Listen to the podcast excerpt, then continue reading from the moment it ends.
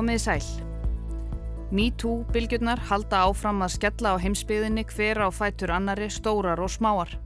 Í vikunni sem nú er að líða voru nákvæmlega fimm ár liðin frá því að bandaríska dagbladið New York Times fletti ofan af ítrekkuðum og grófum kynferðisbrotum Hollywood stórstjórnum framleiðandans Harvey Weinstein sem löngum þótti nánast ósnertanlegu resi í kvikmyndaheiminum. Það varð kveikjan að fyrstu MeToo-byltingunni þar sem miljónir kvenna um víða veröld vöktu aðtegli á langvarandi kynferðisofbeldi og kynjamisrétti. Og nú, fimm árum og mörg hundruð málum síðar, hefur annar farsæl Hollywood-framleiðandi og handreitsöfundur verið handtekinn fyrir að misnota aðstöðu sína og brjóta á konum. Hann hefur getið sér gott orð í Kaliforníu síðustu áratugi fyrir skrif og framleiðslu á vinsælum sjónvastáttum á borðið Scrubs og Californication, þættir sem slóu vel í gegn viða um heim fyrir um áratug síðan. Ég heiti Sunna Valgeradóttir og Erik Weinberg verður á dagskrá í þetta helst í dag. 62-year-old Eric Weinberg now charged with 18 counts of violent sex-related crimes, including assault and forcible rape. Weinberg Hollywood producer facing serious sex crime charges. Prosecutors say Eric Weinberg lured unsuspecting women to his home and then abused them. a Hollywood producer handcuffed and taken into custody for preying on young women. Investigators say the now 62 year old Eric Weinberg would meet young women in stores and coffee shops and lure them to his home here in Los Feliz. Hollywood framleiðandi handjátnaður, úrskurðaður í varðhald og ákerður fyrir að misnota ungar konur og beita þær grófu kynferðisofbeldi. Lóreglann segir að Weinberg hafi beitt áhrifum sínum í Hollywood til þess að ginna ungar konur í myndatökur heim til sín þar sem hann braut á þeim. Weinberg var fyrst handtekinn vegna grunnsum kynferðisbrot í Los Angeles í júli en nú hefur aldeilis bæst við ákæruna. Þetta eru markvísleg kynferðisbrot og er ákæran í átján liðum. Hún snýrað brotum gegn fimm konum á árunum 2014 til 2019 en Lóregla segir víst að þólendur hans séu mun fleiri. Hann er meðal annars ákjærður fyrir nöðgun, frelsesviftingu, kynferðslega áreitni, líkamsmeiðingar og fyrir að nöðga konum með aðskotarhlutt. Láreglann fullir þér að hann hafi verið að beita konur ofbeldi víða um bandaríkin alveg frá New York til Los Angeles eins og það er orðað í frétt CNBC sem við heyrum óma hér undir. To secure release you have to pay 10% so Weinberg was able to put up half a million dollars. And as we mentioned Búist var við því að dómarinn myndi ekki leggja til að Weinberg erði laus gegn tryggingu, brot hans eru það alvarleg en allt kom fyrir ekki. Trygging var sett 5 miljónir dollara um 730 miljónir íslenskra króna. Til að losna úr fangelsi gegn því að borga tryggingu þá þurfa að reyða fram 10% af settri upphæð. Restin er svo borgur síðar sem Weinberg einfallega gerði. Hann greiti þarna halva miljón dollara á staðnum, tæpar 75 miljónir íslenskra króna og gengur nú laus. These are women who trusted Weinberg because of his success in the TV industry. Investigators say these crimes could go back to the 1990s. Right now they really have no idea how many women were sexually assaulted.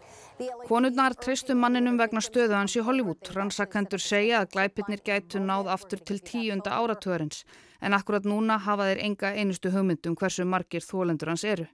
Lóreglann í Los Angeles er að hvetja öll sem hafa einhverjar upplýsingar um málið að gefa sér fram og láta vita, sérstaklega ef einhver hefur lend í Weinberg. Lóreglann og saksóknara embettið helt stóran og mikinn bladamannafundum málið í gær sem hófst á því að hér að saksóknarin George Gascone tók tvær flenni stórar andlitsmyndir á Weinberg og kom þeim fyrir sitt hverju megin við púltið. Myndin er típisk handtökumynd, mugshot, nærmynd af andliti mannsins tekin við handtöku. Weinberg er af gýðingaættum, vel herður með dögt, leiðað og grásprengt hár, langleitt andlit, skeggrót og dökkbrún augu. Hann virkar eðlega ekki mjög hress á myndinni. En það vekur óneitanlega aðtegli að lögreglu yfirvöld gerur svona mikið úr því að byrta mynd af manninum eins og til að vara fólk við honum því hann gengur laus. In this particular case, we ask the court to hold Mr. Weinberg in custody without bail. The court refused and they set a $5 million bail. And as we anticipated, he used his incredible wealth to bail out. This is yet another example of what I've long said about bail.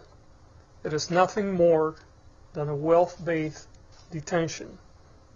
If you're wealthy, you get to bail out.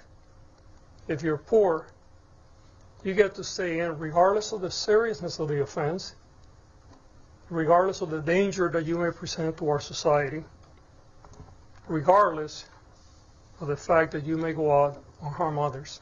Saksóknari og lögregla báðu dóminum að halda Weinberg í fangelsi án möguleika og tryggingu og því var hafnað. Og Gaskón bjóst við því sem Weinberg gerði. Hann er moldríkur og hann notaði því gífurlegan auðsinn til þess að borga sig út úr fangelsi. Þetta sínir enn einu sinni að trygging eða beil á ennsku er ekkert annað en eins konar auðvald svarðhald. Hinn ríku geta borgað sig út þrátt fyrir að hafa framið hræðilega glæpi en hinn fátakari þurfa að sitja inni.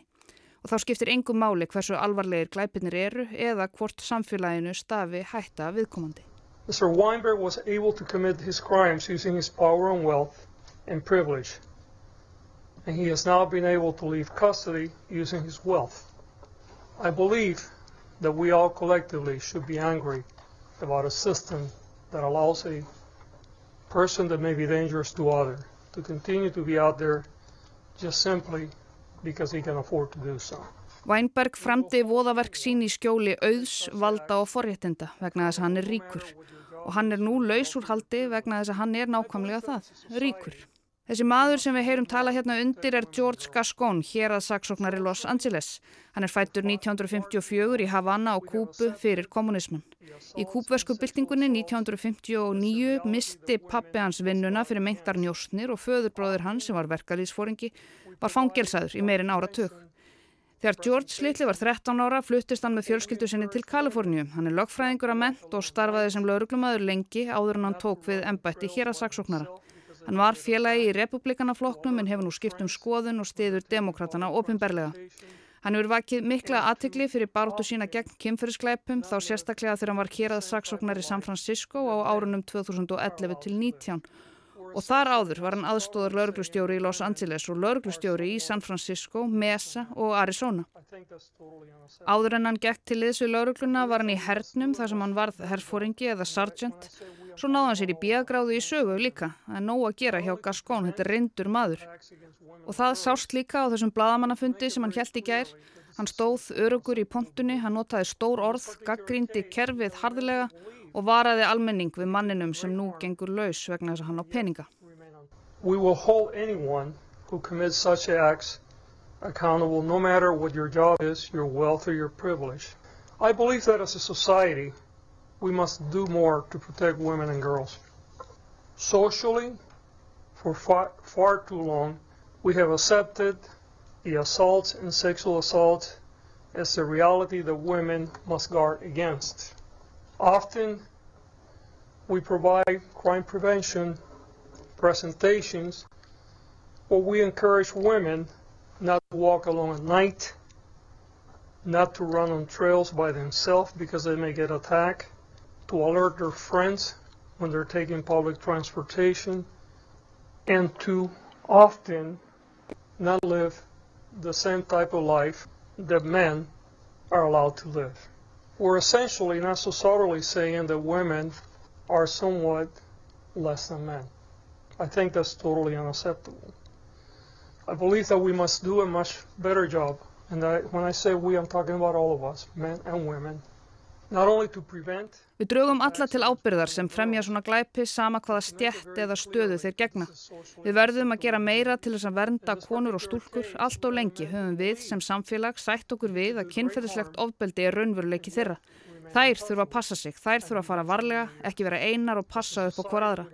Þær einfallega fá ekki að lifa sama lífi og karlar vegna þess að þær, jú, verða fyrir ofbeldi. Þær eru minna virði en karlar og það er algjörlega óásættanlegt, segir George Gascon. Hann segir að völd og áhrif geti spilt fólki þannig að það skaði aðra sem oft skilji eftir djúb ör á sálarlífi þólenda. Weinberg var handekinn í júli og síðan þá hafa týjir kvenna stíðið fram og tilkynnt lauruglu um brot af hans hálfu. Gascon segir hvert mál verða rannsakað í hörgul og hann fór svo yfir sömur ræðu á spænsku fyrir spænskumælandi hlustendur. Eh, pero primero que nada quiero darle las gracias al Departamento de Policía uh, por el trabajo que han hecho en este caso. Rannsóknarlauruglumadurinn Ryan Lamar hjá lauruglunni í Los Angeles steg næstur í pontu og greindi bladamönnum frá stöðu rannsóknarinnar. There's no doubt that the, the DA was clear. the, the D was absolutely clear in saying that this man is a, is a danger to the public, and, and I'm 100% and the LAPD is 100% in agreement with that. We're, we're watching him. That's for that's for darn sure. Uh, initially, when we put out the press release, we did say it, uh, we believed that the crimes occurred from the 1990s, um, and we had a case in 2020. So we do believe it's we and we do have tips coming from within those those uh, date ranges. And I, but I can't give you numbers of those tips. They're all being currently worked on and thoroughly investigated at this time. Við erum sannfærið um að þessi maður er hættulegur umhverju sínu og við erum sannarlega að fylgjast með honum, sagði Lamar. Nú er lauruglan orðin nokkuð vissum að Weinberg hafi byrjað að brjóta á konum upp úr 1990 og haldið því áfram allt til ársins 2020. If there's any women out there, and like, just thank you so much for covering uh, the victims assistance stuff, and it's important that you deserve services and you have services. So if you didn't catch the 1-800 number or you want it, you can still go through the tip line and we can direct you there, even if you don't want to report that you're a victim, but you want services or don't, you know, necessarily want to cooperate, but want to give your, you know, give a statement. We're here for you, and we have those, we have that uh, line established since July, and we have teams available for that. So the, the, the DA did Yeah, that. so the cases that we're currently dealing with from 2014 to pretty much current days. Logfræðingur Weinberg segir ásakanirnar tengjast skilnaði hans og hann sé reyðubúin að mæta í dómsal og gera grein fyrir málu sínu. Sjáum svo til með það. Nokkrar konur hafa stíðið framundur nafni og líst því hvernig hann braut á þeim, tók myndir af þeim grátandi og nöðgaði þeim. Ég ætla að láta ógert að fara nánar út í þær lýsingar en það er víst að þessum máli er hvergi næri lokið og réttarhöldin verðað öllum líkindum undir kastljósi fjölmiðla þegar að þeim kemur. Kynferðisbrótamadurinn og Hollywood framleiðandin Erik Weinberg var helst í dag. Takk fyrir að leggja við hlustir og við heyrumst aftur eftir helgi.